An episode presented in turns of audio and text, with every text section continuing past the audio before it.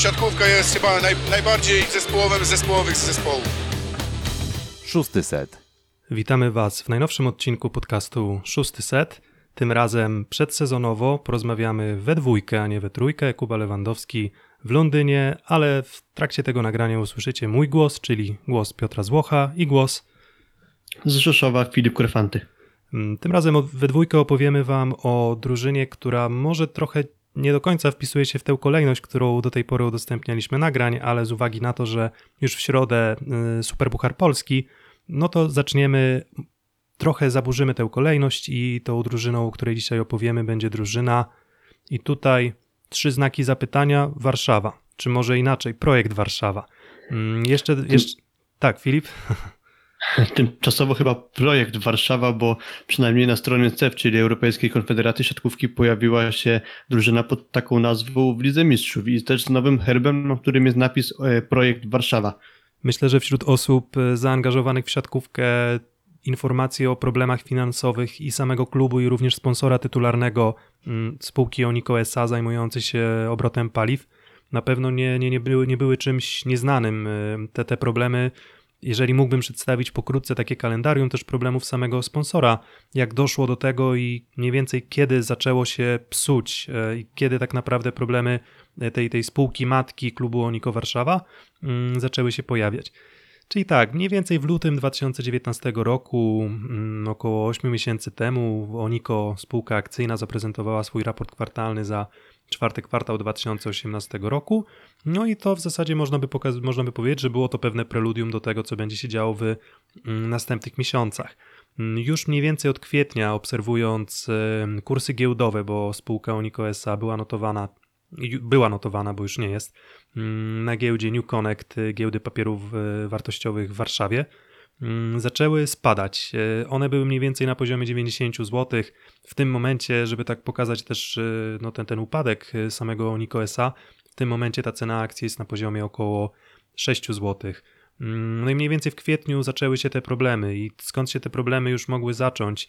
Mm, w maju wydaje się, że chyba jeszcze większość, nie wiem, czy, czy władze klubu, czy, czy, czy, czy samo, same władze spółki Oniko SA wydawało się, że powinny jakoś przetrwać tę trudną sytuację. 4 maja Uniko Warszawa przegrała w trzecim meczu finałowym z Zaksą Kędzierzyn-Koźle, no ale zdobyła srebrny medal. No i chyba mało kto wśród osób cieszących się, no bo to chyba był jednak sukces dla warszawian, mało kto z osób cieszących się wśród władz klubu czy też władz spółki spodziewał się, co się wydarzy w następnych miesiącach. 2 czerwca e, spółka Unico SA zaprezentowała raport roczny, czyli już powiedzmy raport, który podsumowywał cały 2018 rok, w którym poinformowała, że w porównaniu do roku wcześniej, gdzie mm, zanotowała 10,7 miliona złotych zysku, w tym roku zanotowała 10,5 miliona straty. Mm, no to w zasadzie mówimy tutaj o wartościach na poziomie minus 200%, które no musiały się odbić swoim echem zarówno wśród akcjonariuszy, no i stąd też te spadki, które zaczęły się pojawiać w kolejnych miesiącach, Mm, ale również, również ten problem musiał odbić się na, na, na, na, na, na, na opinii kredytodawców. No i owszem, odbił się. Już miesiąc później, 8 lipca, Puls Biznesu podawał, że mBank, BNP Swiss i ING wstrzymały się z uruchamianiem kredytów i argumentowały to w sposób następujący. Nie wydaje mi się, że to będzie tłumaczyć bardzo dobrze problemy. Decyzję tłumaczymy pogorszeniem się sytuacji ekonomiczno-finansowej emitenta oraz stanu majątkowego w sposób mogący zagrażać terminowej spłacie zobowiązań wynikających z przedmiotowej umowy, czyli przedmiotowej umowy o świadczenie kredytu. No i biorąc pod uwagę, że spółka zajmowała się obrotem paliw, no to tego, mm, tego kapitału obrotowego chyba po prostu nie było na tyle dużo i no i to spowodowało, że, że spółka zaczęła no już, już jednak pikować w dół, ceny akcji już całkowicie, całkowicie poszybowały w dół. Mm, no i było wiadomo, że, że, że w zasadzie trudno spodziewać się innego losu wydarzeń, innego obrotu wydarzeń niż to, że po prostu Oniko w pewnym momencie złoży wniosek o ogłoszenie upadłości.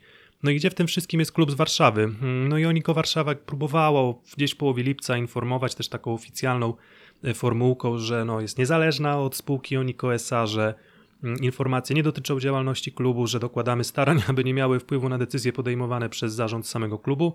Mm, Natomiast no, trudno, żeby nie miały, nie miały na to wpływu, w szczególności, że z tego, co, z tego, co podawały też dokumenty, mm, spółka Oniko SA udzielała klubowi Oniko Warszawa po prostu pożyczki na, na działalność, działalność klubu.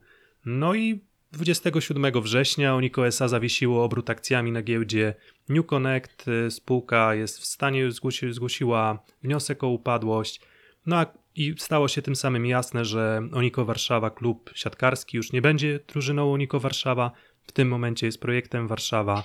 Mm, No i w zasadzie od tego momentu trudno powiedzieć, co z tą drużyną się wydarzy. Będzie grała, nie będzie grała, mm, wystąpi, dostanie licencję, nie dostanie licencji, czy będzie ten sponsor. Wspominało, mm, mówiło się o firmie Westminster, mówiło się o firmie Orlen, która gdzieś miała tego wsparcia udzielić e, klubowi z Warszawy. Mm, Żadna z tych opcji jak na razie się nie zmaterializowała. Mm, No i mamy 21 października i w sumie już chyba zaczynamy coś wiedzieć, bo dzisiaj mieliśmy nagranie Prawdy Siatki. No i ty Filip, wiem, że dokładnie posłuchałeś o tym, co, co piszczy w klubie z Warszawy. I Piotrek przedstawił całą kronikę upadku Oniko Warszawa, a wracając do teraźniejszości, na dzień 21 października, na poniedziałek, dwa dni przed Superpucharem, nagrywamy ten odcinek i jesteśmy chwilę po wyemitowaniu Prawdy Siatki z udziałem Kamila Składowskiego i z tego, co on mówił, to myślę, że sytuacja zmierza do pomyślnego zakończenia. Mogliśmy się dowiedzieć, że zarząd PLS i Rada Nadzorcza jest w stałym kontakcie z klubem, Wszystkie zagrożenia i optymistyczne informacje docierały do władz ligi na bieżąco, a jedyną kwestią był czas na załatwienie formalności. E, Znalezione zostały pieniądze, a potrzeba teraz jeszcze e, trochę wypełnienia dokumentów, tak można w skrócie nazwać, żeby te pieniądze dotarły na właściwe konta w banku. A to akurat jest różnica w przypadku Stoczni Szczecin. Tam akurat pieniądze nie zostały znalezione, więc klub upadł. Tutaj pieniądze już są, więc władze ligi dają czas na to, żeby te formalności załatwić i to powinno załatwić e, sprawę. Mm. Jak, jak Filipie, zapatrujesz się też na całą tę sytuację, bo mm, wiele głosów przedsezonowych mówiło o tym, że no jest to jakiś tam, jest to skandal, no jest to jakaś tam hańba, degrengolada ligi, kolejny przykład tego, że, że władze ligi nieprofesjonalnie podchodzą do, do swoich obowiązków, że taka sytuacja nie powinna mieć miejsca, co się dzieje z polską siatkówką, ogólnie upadek, Sodoma, Gomora i, i katastrofa jedna wielka. Mm, No, i- no i co ty o tym sądzisz? Bo, bo ja swoje zdanie mam, ale z chęcią posłucham twojego. Myślę, że ta cała sytuacja na pewno nie odbije się korzystnie na wskaźnikach w wykresach marketingowych, czyli raczej pozytywnie nie wpłynie to na obraz całej ligi. Zresztą niczym przyjemnym nie było czytanie, powiedzmy, nie wiem, włoskiej czy rosyjskiej prasy, gdzie tam wypisywano, że na przykład Kevin Tilly jest potencjalnym następcą Tomasa Dzieszki w Weronie, czy Wiesz, Antoine Blizzard Romana Poryszyna w Biłgorodzie ze względu na problemy warszawian. można byłoby spojrzeć na to w ten sposób, że nieważne jak mówią, ważne czy mówią. No a mówili dużo. No, Akurat te podmioty, czyli Liga i warszawski zespół, mówiły właściwie niewiele. Tak, ale media, E, media i- dość dużo. Tak, działo się dużo i dużo informacji było takich mm, niezbyt precyzyjnych, które być może wprowadzały trochę zamieszania, a jak mogliśmy się dowiedzieć z dzisiejszej prawdy siatki, e, sama liga nie chciała za bardzo informować, co konkretnie dzieje się w warszawskim zespole, pomimo tego, że było to wiadomo. E, Władzom ligi sytuacja była znana, z tego względu, że e, zarząd uznał, że to klub przede wszystkim powinien poinformować, jaka jest w nim sytuacja, a nie liga wychodzić przed szereg. Mm, Ja się z tym zdecydowanie zgadzam. Natomiast wracając też do mojego pytania, moje zdanie jest następujące. Mm, Biorąc pod uwagę, że no te, te informacje, co prawda sygnały być może pojawiały się wcześniej, ale oficjalne informacje o tym, że, że, jest, że są bardzo duże problemy w spółce matce mm, Oniko spółka akcyjna, no pojawiły się dopiero w lipcu, czyli w zasadzie już w tym momencie, w którym trochę ten rynek transferowy został domknięty, trochę trudno było oczekiwać, że nie wiem, drużyna pierwszoligowa, która potencjalnie mogłaby zastąpić Warszawę, która nie wiem, na przykład druga drużyna pierwszej ligi, byłaby w stanie zgromadzić skład, który byłby równy. Mm, No a poza tym też postawmy sprawę jasno, Warszawa jest bardzo ważna dla promocji ligi. Warszawa jest, no było nie było największym ośrodkiem miejskim w Polsce, co powoduje, że, że, że, że nie dziwię się, że liga chciała za wszelką cenę też to, to Oniko utrzymać, tak? I, i, jeżeli faktycznie mieli podstawy ku temu, żeby, mm, żeby tę drużynę Oniko utrzymywać przy życiu, no bo gdyby faktycznie byli bardzo restrykcyjni mm, i posługiwali się tym swoim podręcznikiem licencyjnym zgodnie z każdą literą prawa, mm, tam zapisanego, no to w zasadzie w lipcu już powinni powiedzieć, ok, no nie macie gwarancji finansowych, więc, więc no nie wystąpicie w tym sezonie Plus Ligi. Natomiast no, biorąc pod uwagę terminarz, biorąc pod uwagę też siłę drużyny marketingowo, sportowo i nie tylko, mm, jeżeli faktycznie potoczy się to tak, jak wspominałeś, wprawdzie siatki, czyli w taki sposób, że, e, że, że drużyna z Warszawy, projekt Warszawa, czy jakikolwiek to będzie sponsor, będzie w- cały czas istotnym elementem ligi i nie będziemy mieli żadnych pauz, co mnie też osobiście cieszy, biorąc pod uwagę wygraj Polską Ligę Siatkówki, no bo to zawsze, zawsze pewne zamieszanie wprowadzało w zeszłym roku, w zeszłym roku przy, przy, e, przypadek Stoczni Szczecin też to, też to pokazało chyba dobitnie. No i takie sytuacje nie mogły nie odbić się też na składzie zespołu, bo, była w tym bardzo, było w tym bardzo dużo niepewności. Zawodnicy byli niepewni, trenerzy byli niepewni, nie było do końca wiadomo, co się wydarzy. Paradoksalnie długi sezon reprezentacyjny Warszawie mógł wręcz pomóc w tym, mm, w tej, tej całej sytuacji. Tak, a jeszcze jest inny aspekt ewentualnego niedopuszczenia Warszawian do ligi. Chodzi po prostu o to, że wracając kilka lat, były czasy Politechniki Warszawskiej, było może czasami biednie, ale było. Niedopuszczenie Warszawian do rozgrywek plus ligi zakończyłoby się moim zdaniem wprost końcem siatkówki w Warszawie na sensownym poziomie. Jeśli oni by w plus lidze nie wystartowali, ten klub byłby używając rolniczej nomenklatury, po prostu zaorany. Wieloletnia historia po prostu uległaby zniszczeniu, zatraceniu. Warszawski klub przestałby istnieć i szkoda tu byłoby wielu ludzi, którzy bądź co bądź na trybunach w Warszawie się pojawiali. To też jest taka sprawa. Mm, Tak, więc wiele argumentów y, za tym można znaleźć, że, że, że Warszawę po prostu trzeba było utrzymać przy życiu. Ta kroplówka była podawana jedna za drugą, mimo tego, że generalnie no, pacjent nie dawał specjalnych oznak tego, co mu doskwiera. A w zasadzie no, wszyscy widzieli, że boli, ale nie do końca było wiadomo, co boli i gdzie i co można, co można na to poradzić. Mm, Ja no, myślę, że kluczowe jest właśnie to, że Kamil Składowski powiedział, że liga wiedziała, co się dzieje, pieniądze są, a jedynie chodzi o czas na ich odpowiedni przepływ. To jest inna historia niż ze Stocznią, ale to wspomniałem wcześniej jeszcze. A propos tej dezinformacji, czy też braku informacji, przypuszczam, że sytuacja była bardzo dynamiczna. Gdzieś przenikały jakieś różne informacje typu, że powiedzmy dwa tygodnie temu ma się odbyć jakaś konferencja prasowa, ona się w końcu nie odbyła. Myślę, że takie przecieki raczej nie wpływały korzystnie na odbiór tego, co tam się dzieje, bo no tak prostolinijnie myśląc, okej, ma być jakaś konferencja, nie ma, aha, czyli znowu coś się zepsuło, znowu coś poszło nie tak. Trochę mi się przypomina sytuacja z, z 2011 roku i słynnym niedoszłym transferem Mulilo Endresa do Skrybeł Chatów, gdzie Chatowianom zabrakło 24 godzin. No i ta sytuacja do dzisiaj jest wykpiwana. Podobnie mogłoby być w przypadku Warszawian, którzy by ogłosili powiedzmy, ok, mamy sponsora, już za chwilę będzie się działo, a tak naprawdę, o, jednak nie mamy sponsora i kolejne tygodnie czekania. Tak, ja nie wiem, co było gorsze, czy te informacje o czarnych Mercedesach ze Szczecina i po prostu to, co to, tam to przybierało dość karykaturalne formy w pewnym momencie, tam Radost, Radostin Stojczew, jeżdżący po Rzeszowie, tak, podbierający zawodników, no po prostu to już, to już naprawdę tam historie nie, niestworzone mm, zaczynały się pojawiać. Tutaj po prostu była cisza i tutaj z tego miejsca też w sumie chciałbym pochwalić inną drużynę Plus Ligi, która chyba jest takim wzorcem tego, jak należy sobie z problemami finansowymi radzić. No i mówię tutaj oczywiście o Treflu Gdańsk. Uważam, że oni byli transparentni, oni bardzo szybko zorganizowali akcję, która poniosła się szerokim echem, mm, czyli tam do, dolewanie do pełna chyba, tak? Tak to, tak to było... Tak E, Dolewamy do pełna. dolewamy do pełna, więc taki, też taki przytyczek nos w kierunku e, Lotosu, który wtedy wycofał się przedsezonowo. Oni uratowali tam siatkówkę i, no, i to, to, był- to był też inny ośrodek miejski, ale dla mnie to był po prostu wzór zarządzania kryzysowego, jeśli chodzi o klub sportowy. W przypadku Warszawy absolutnie nie mówię o żadnym wzorze, nie można im gratulować. Poz... Znaczy, można im gratulować tylko tego, że, że utrzymają siatkówkę, jeżeli to się faktycznie wydarzy.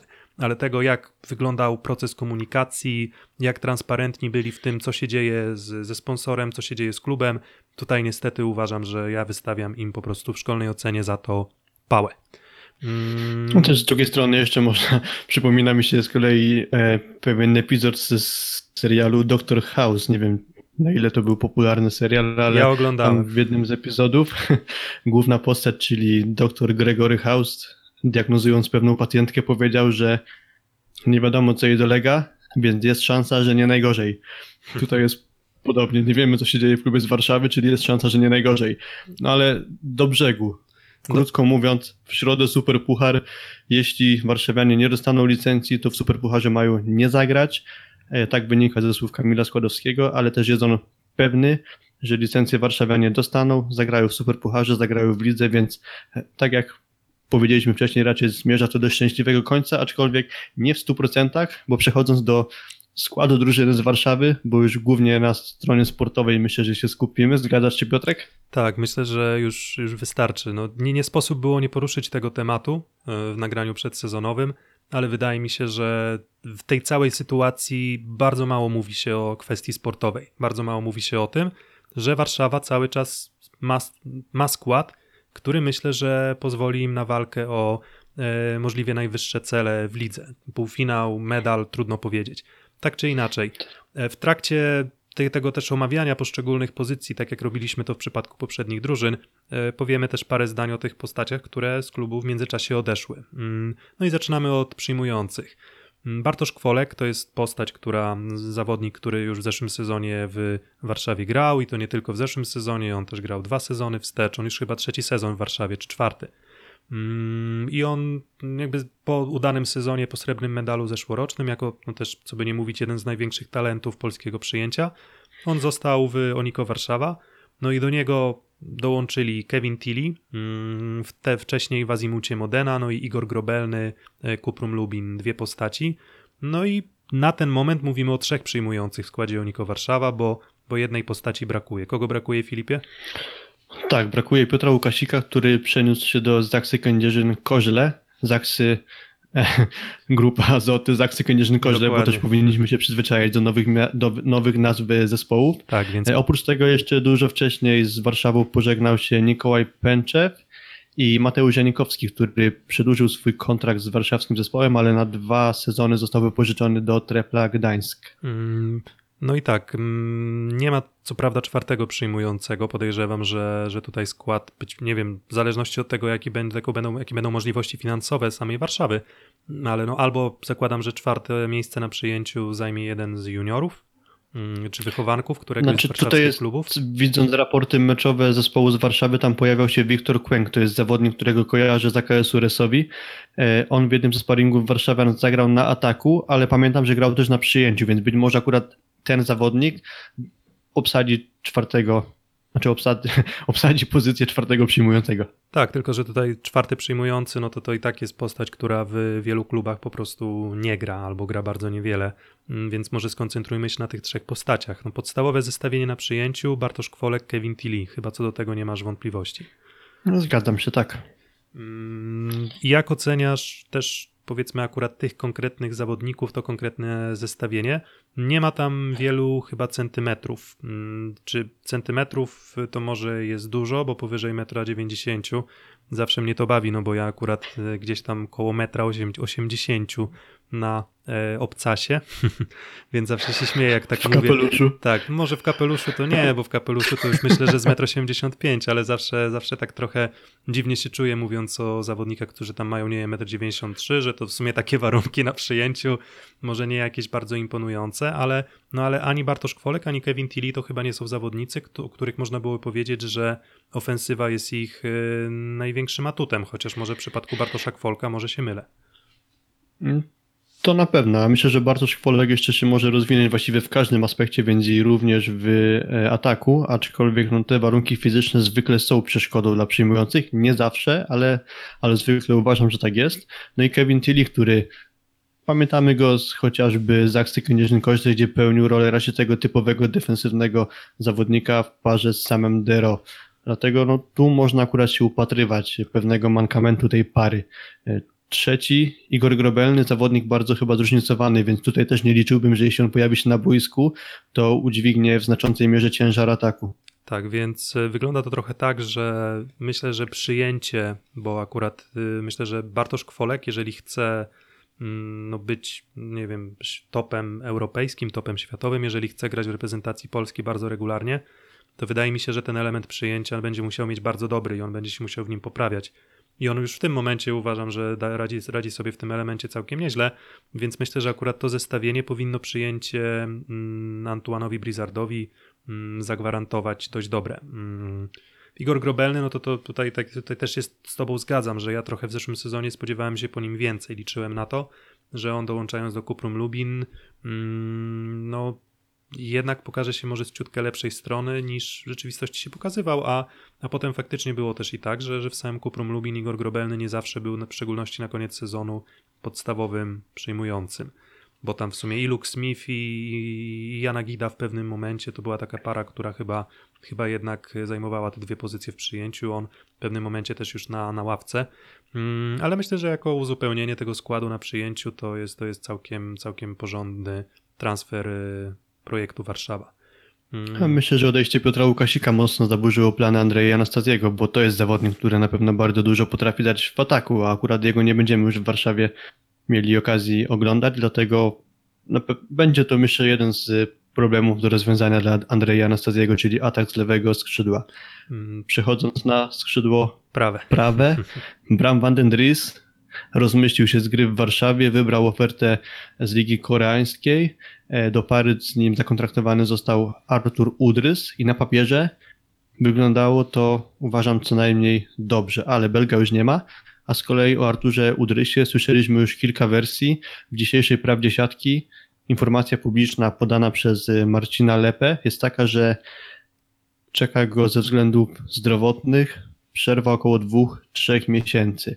Chociaż informacje na ten temat były różne. Między innymi takie, że e, Artur Udrys e, przyjechał do klubu i wyjechał i może już do niego nie wrócić, więc na razie bazujemy na tym, że powiedzmy trzy miesiące Udrysa w klubie z Warszawy na boisku nie zobaczymy, no i pojawia się gigantyczna luka, no bo jak obsadzić ten prawy atak? Tak, z obsady prawego ataku, o której można byłoby powiedzieć, że to jest dwóch bardzo solidnych, mm, dwóch dobrych atakujących, w zasadzie nie mamy żadnego. Mm, No i w sparingach przedsezonowych y, tę rolę atakującego, jak już wspominałeś, no pełnił, mm, pełnił ten młody... Był Wiktor Kłęk przez tak, chwilę, Wiktor, Wiktor Kłęk, bardzo krótko, tak, ale od pozostałych Tak, od pewnego momentu to Jakub Kowalczyk. Nie wiem, czy to w sumie zaskoczenie, czy nie, no ale jak patrzę na skład, no to w zasadzie on albo Igor Grobelny to są chyba jedynie dwie postaci, które, które mogłyby na, na, na ataku w tym momencie w Warszawie wystąpić. No Igor Z Grobelny tym, że jest... problem będzie taki, że Jakuba Kowalczyka, jeśli muszę mu wybierać nową pozycję, to bardziej atak niż przyjęcie, a jeżeli byśmy na atak przestawili Igora Grobelnego, to nie byłoby zmiennika na przyjęciu, więc Oczywiście. wy- wydaje mi się, że jest dosyć naturalny wybór, że to będzie Jakub Kowalczyk akurat. Tak, i ja właśnie z takiego też założenia tutaj chciałem, z takiego założenia wyszedłem, tak to chciałem skomentować, że no lepiej mieć jednego zawodnika na przyjęciu i atakującego, no bo tak czy inaczej, no na ten moment wygląda na to, że tam nominalnego atakującego nie ma i nie będzie. Czy będzie, czy się Czy, czy, nie będzie, czy nie będzie, to nie jest jeszcze takie stuprocentowo pewne. No, jeśli pojawią się jakieś pieniądze, no to pierwsze nazwisko, jakie mi przychodzi do głowy, Mistrzostwa Europy, Ukrainie jest Dymitro Wilecki. Na razie oficjalnie nie ma jeszcze klubu, więc kto wie, czy na przykład po niego by nie sięgnęli warszawianie, a zawsze to jakieś zastępstwo jest. Tak, jest to, jest, jest to jakieś zastępstwo. Na ten moment zakładamy, że Artur Udrys, tak jak wspominałeś, on pozostanie w y, składzie. Mm, Tyle tylko, że te 2-3 miesiące plus jeszcze jakiś tam moment na dojście do formy, no bo to jest tak, że że, że, że okej, no nie trenujesz dwa miesiące, nie trenujesz trzy miesiące, no to to nie jest tak, że po takiej przerwie jesteś w stanie momentalnie wejść do składu i grać, nie wiem, na, na pełnych obrotach wszystkie całe, całe sety, wszystkie spotkania. Mm, Więc y, to jest bardzo duży problem dla, Warszawy, również dlatego, że tempo terminarza w tym roku jest niesamowite. Tak, to wszystko jest bardzo uprasowane, bardzo upakowane. W zasadzie przez te trzy miesiące może się rozstrzygnąć to, na którym miejscu Warszawa zakończy fazę zasadniczą, bo, bo w zasadzie po trzech miesiącach będziemy już chyba za półmetkiem, e, za półmetkiem ligi. Mm, No licząc, dobrze, listopad, grudzień, styczeń? Nie, no to myślę, że już zdecydowanie będziemy za półmetkiem. Mm, No więc no na pozycję atakującego interesująca. Jakub Kowalczyk radził sobie różnie. Mm, Tak to chyba trzeba ująć i raczej słabiej niż lepiej, Mm, bo jeżeli dobrze pamiętam te cyfry przedsezonowe, to, to, to w statystykach nie wyglądało to najlepiej. Znaczy, kojarzę jego trzy, trzy mecze, widziałem statystyki z trzech jego meczów, to w jednym zaliczył jakieś 50% skuteczności, w jednym zerową efektywność i w jednym około chyba 30, 20 kilku procent skuteczności, więc jeśli patrzeć tylko na te arkusze statystyk, no to wygląda to poniżej przeciętnej i na dłuższą metę mi się wydaje, że jak już się go bardziej rozpisze, typu, że z drugiej linii atakuje tak, z pierwszej linii z takiej piłki tak i tak dalej, to będzie mu miał tylko tym trudniej. Więc na dłuższą metę raczej nie liczyłbym, że Jakub Kowalczyk pociągnie atak Warszawy z prawego skrzydła. Tak, ja bardzo jestem ciekaw, jak to poukłada ofensywnie Anastazji, bo, no bo pytanie, czy ty jesteś w stanie grać tylko środkiem i lewym skrzydłem. Bo wydaje mi się, że, że, że, że jeżeli faktycznie to Jakub Kowalczyk będzie grał na, na ataku, czy ktokolwiek by to nie był, kto nie, powiedzmy z- nienominalnych atakujących, to obawiam się, że, że to będzie wyrwa a nie do zasypania. No ale o tym jeszcze poroz- porozmawiamy za chwilę. Mm, Pozostali środkowi, chociaż no, pytanie, czy o Jakubie Kowalczyku można mówić o, jako o środkowym w tym momencie. No ale pozostali środkowi. Andrzej Wrona, on e, również został w, w Oniko Warszawa, hm, w Oniko Warszawa, w projekcie Warszawa mm, po poprzednim sezonie. No i dwa wzmocnienia z, przyjechały z nadmorza. Mm, Jedno bardzo duże, Piotrek Nowakowski. Mm, Drugie myślę, że nieco mniejsze, ale też na pewno utalentowane, Patryk Niemiec. Dwie postaci na środku. Co o nich sądzisz? Wzmocnienie na pewno bardzo duże w postaci Piotra Nowakowskiego, ale Patryka Niemca myślę, że jeszcze za jakiś czas będziemy dobrze oceniać, bo sądzę, że to zawodnik, który może się jeszcze bardzo rozwinąć i dołączyć do czołówki polskich środkowych, chociaż to może jeszcze nie ten czas, ale para Andrzej Wrona, Piotr Nowakowski to jest dla mnie czołówka ligi, Mm, obok gdzieś mniej więcej Skry, Zaksy, e, Jastrzębia, mhm. Więc sądzę, że para bardzo mocna, solidny zmiennik w postaci Patryka Niemca. E, uważam, że na tej pozycji warszawianie wyglądają bardzo dobrze. Mm, No ja też się, też się zgadzam. Mm, Patryk Niemiec, y, nie, nie wiem czy, Patryka, czy Patryk Niemiec będzie grał w reprezentacji Polski, czy będzie grał regularnie, no bo jednak mamy Kochanowskiego, mamy Lemańskiego, mamy Hubera, mamy cały czas Kłosa, mamy Bieńka, no ta rywalizacja jest tam bardzo mocna, mamy Jana Nowakowskiego, więc tych postaci na środku nam mm, nie brakuje, Mm, ale zgadzam się z tym, że on mm, będzie stawał się coraz lepszy. Już w Gdańsku w zeszłym sezonie pokazywał momenty dobrej gry. Nie zawsze była to gra równa, no ale też i w szaki trudno oczekiwać od y, młodych zawodników, że oni będą utrzymywać ten poziom bardzo, bardzo stabilnie. Rozgrywający i tutaj Antoine Brizard to jest y, zawodnik, o którym już y, wspominaliśmy.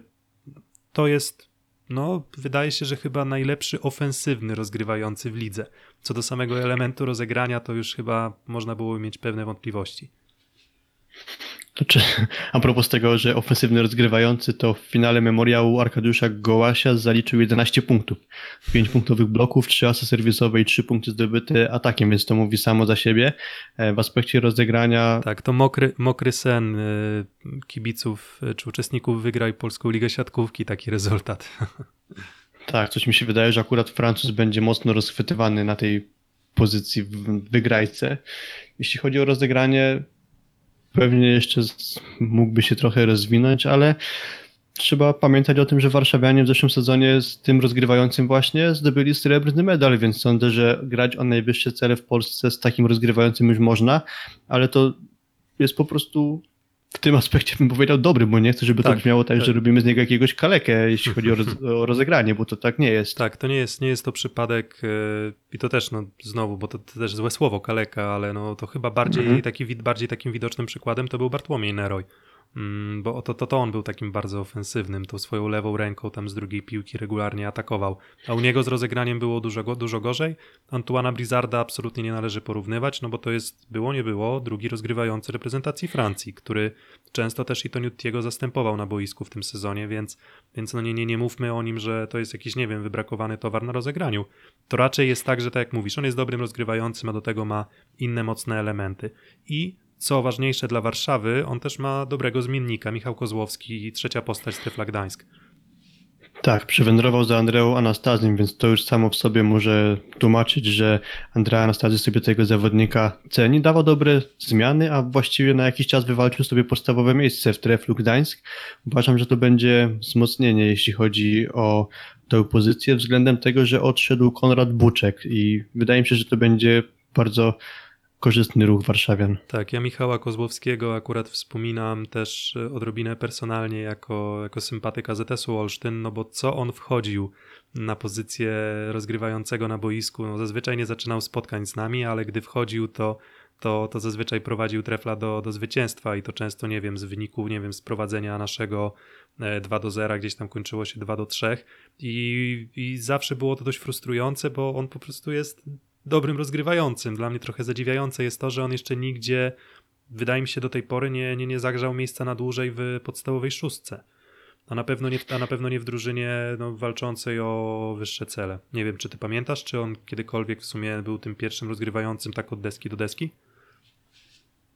Nie jestem teraz 100% pewny, czy nie pomyliłem zawodników, ale Michał Kozłowski jeden sezon spędził w ATH Volley Lubliana jakieś trzy sezony temu mniej więcej i tam był podstawowym rozgrywającym. Tak, nie pomyliłem, to Michał Kozłowski był właśnie w Słowenii.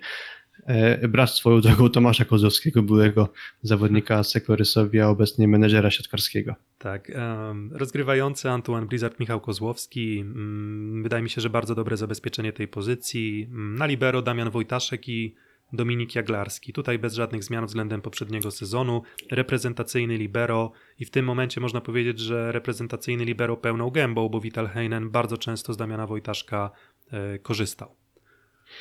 Tak, to myślę, że też jest bardzo dobra rekomendacja, że już Paweł Zatorski nie ma tej żelaznej pozycji w reprezentacji, grając od deski do deski całe spotkanie.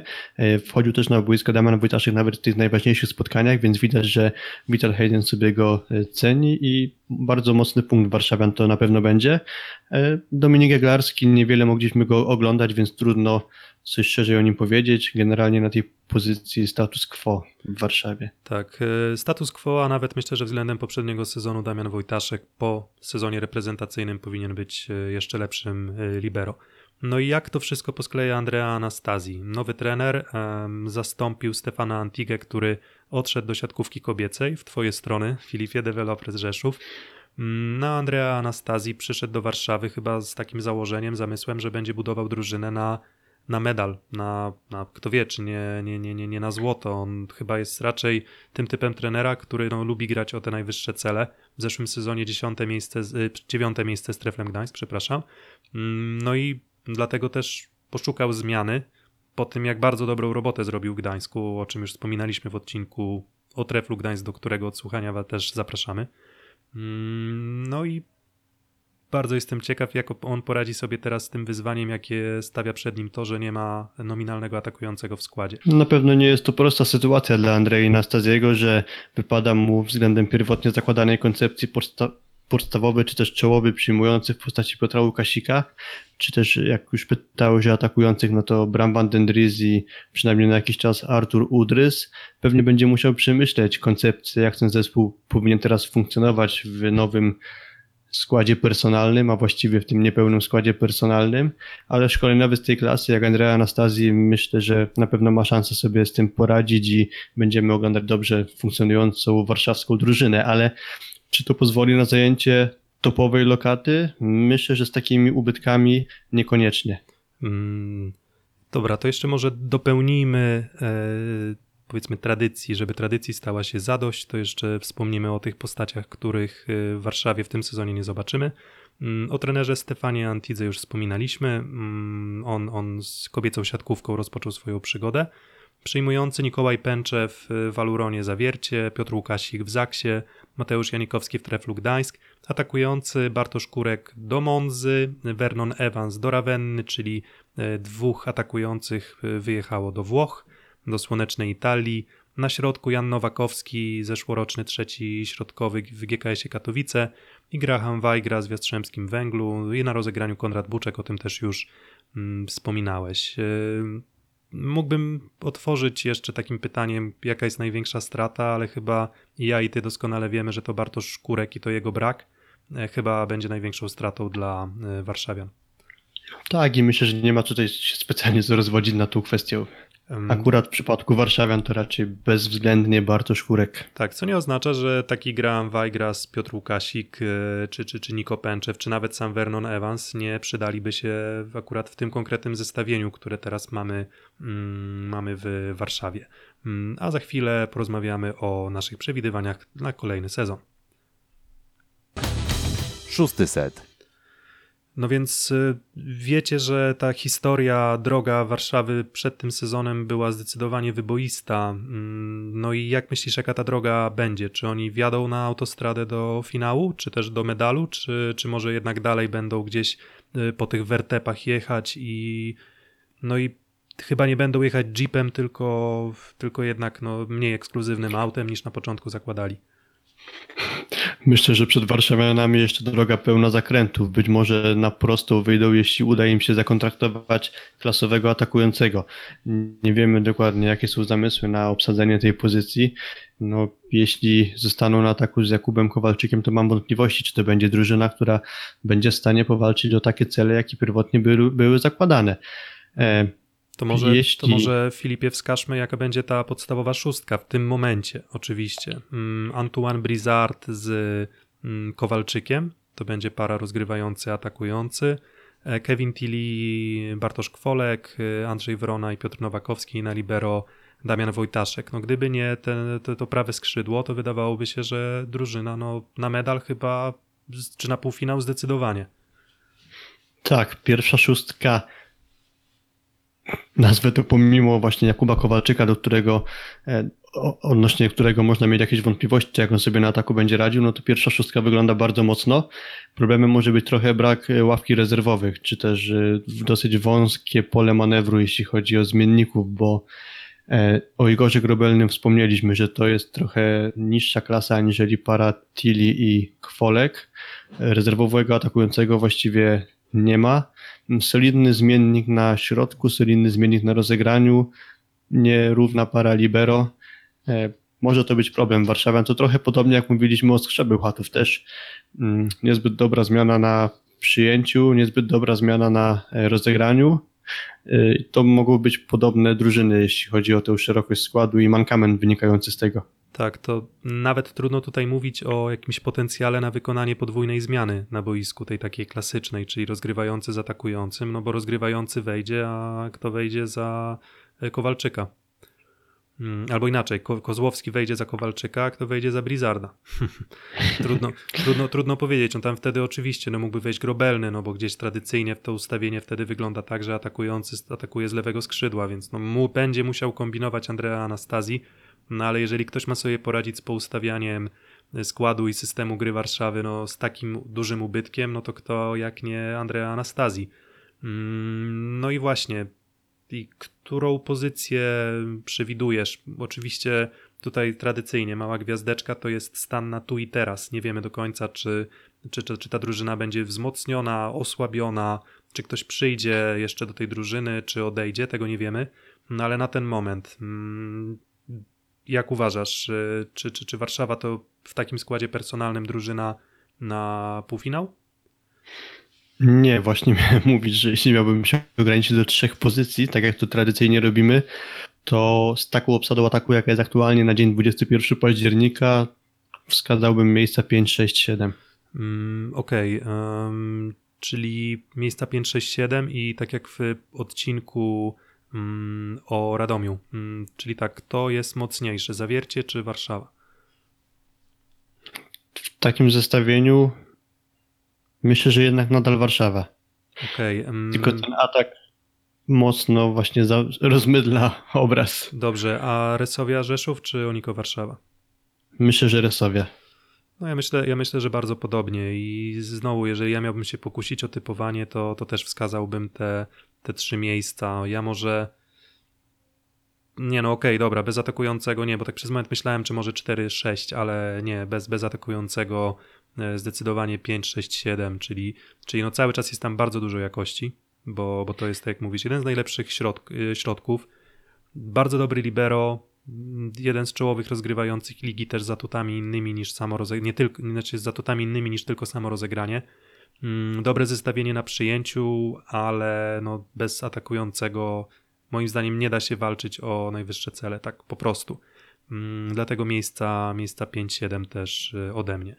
Mm, Chociaż chyba zgodzisz się, że trochę typujemy, można powiedzieć, na siłę, bo tak naprawdę jest to bardzo trudne, biorąc pod uwagę, że no, kompletnie nie wiemy, czego się spodziewać po tym prawym skrzydle Warszawian, a pewnie cały obraz się od, odmieni, jeśli Warszawianie sobie kogoś zakontraktują. Mhm. Ja typuję, bo typuję, ale tak właściwie to czarna dziura trochę. Tak, trochę, mm, troszkę czarna dziura. mm, No, nie bardzo, nie bardzo wiadomo też, y, jak sama drużyna zareaguje na, na te problemy przedsezonowe, bo mm, drogi są, myślę, dwie. Bardzo często te problemy finansowe spajają drużynę, czego przykładem Trefl Gdańsk, który, mm, który w tym sezonie z problemami finansowymi E, no zajął chyba trzecie miejsce w lidze, znaczy nie chyba, zajął trzecie miejsce w lidze i zdobył Puchar Polski, tak? Jeśli dobrze pamiętam wtedy.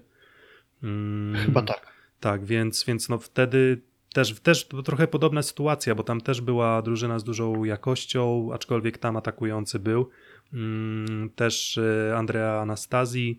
No i pytanie, jak, jak ci zawodnicy zareagują? No to są profesjonaliści, ale myślę, że każdego profesjonalistę sytuacja, w której nie otrzymujesz przelewu na konto miesiąc, drugi, trzeci, piąty, mm, może wybić e, z równowagi i, i, i może wpływać na ich, nie wiem, stabilność e, psychiczną, fizyczną i też po prostu na atmosferę w drużynie. Zobaczymy, jak Warszawa zareaguje, no ale gdyby miał oceniać potencjał stricte sportowy, no to do playoffów powinni się dostać, ale, no ale myślę, że nic więcej.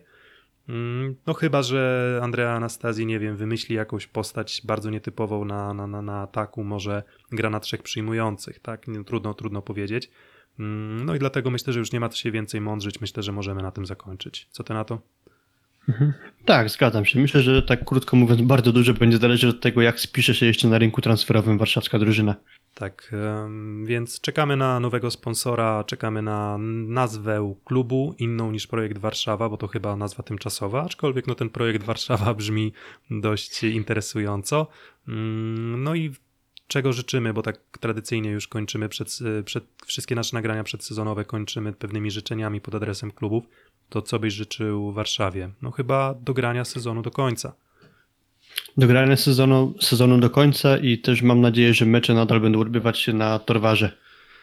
No i oby ten torwar był y, zapełniany kibicami, bo akurat y, też przychody z dnia meczowego i przychody z biletów w Warszawie mogą się w tym sezonie przydać y, bardzo mocno, myślę na pewno mocniej niż w poprzednim sezonie. E, Dzięki za uwagę, e, dziękuję w tym odcinku Piotr Złoch, I Filip Korfanty. do usłyszenia.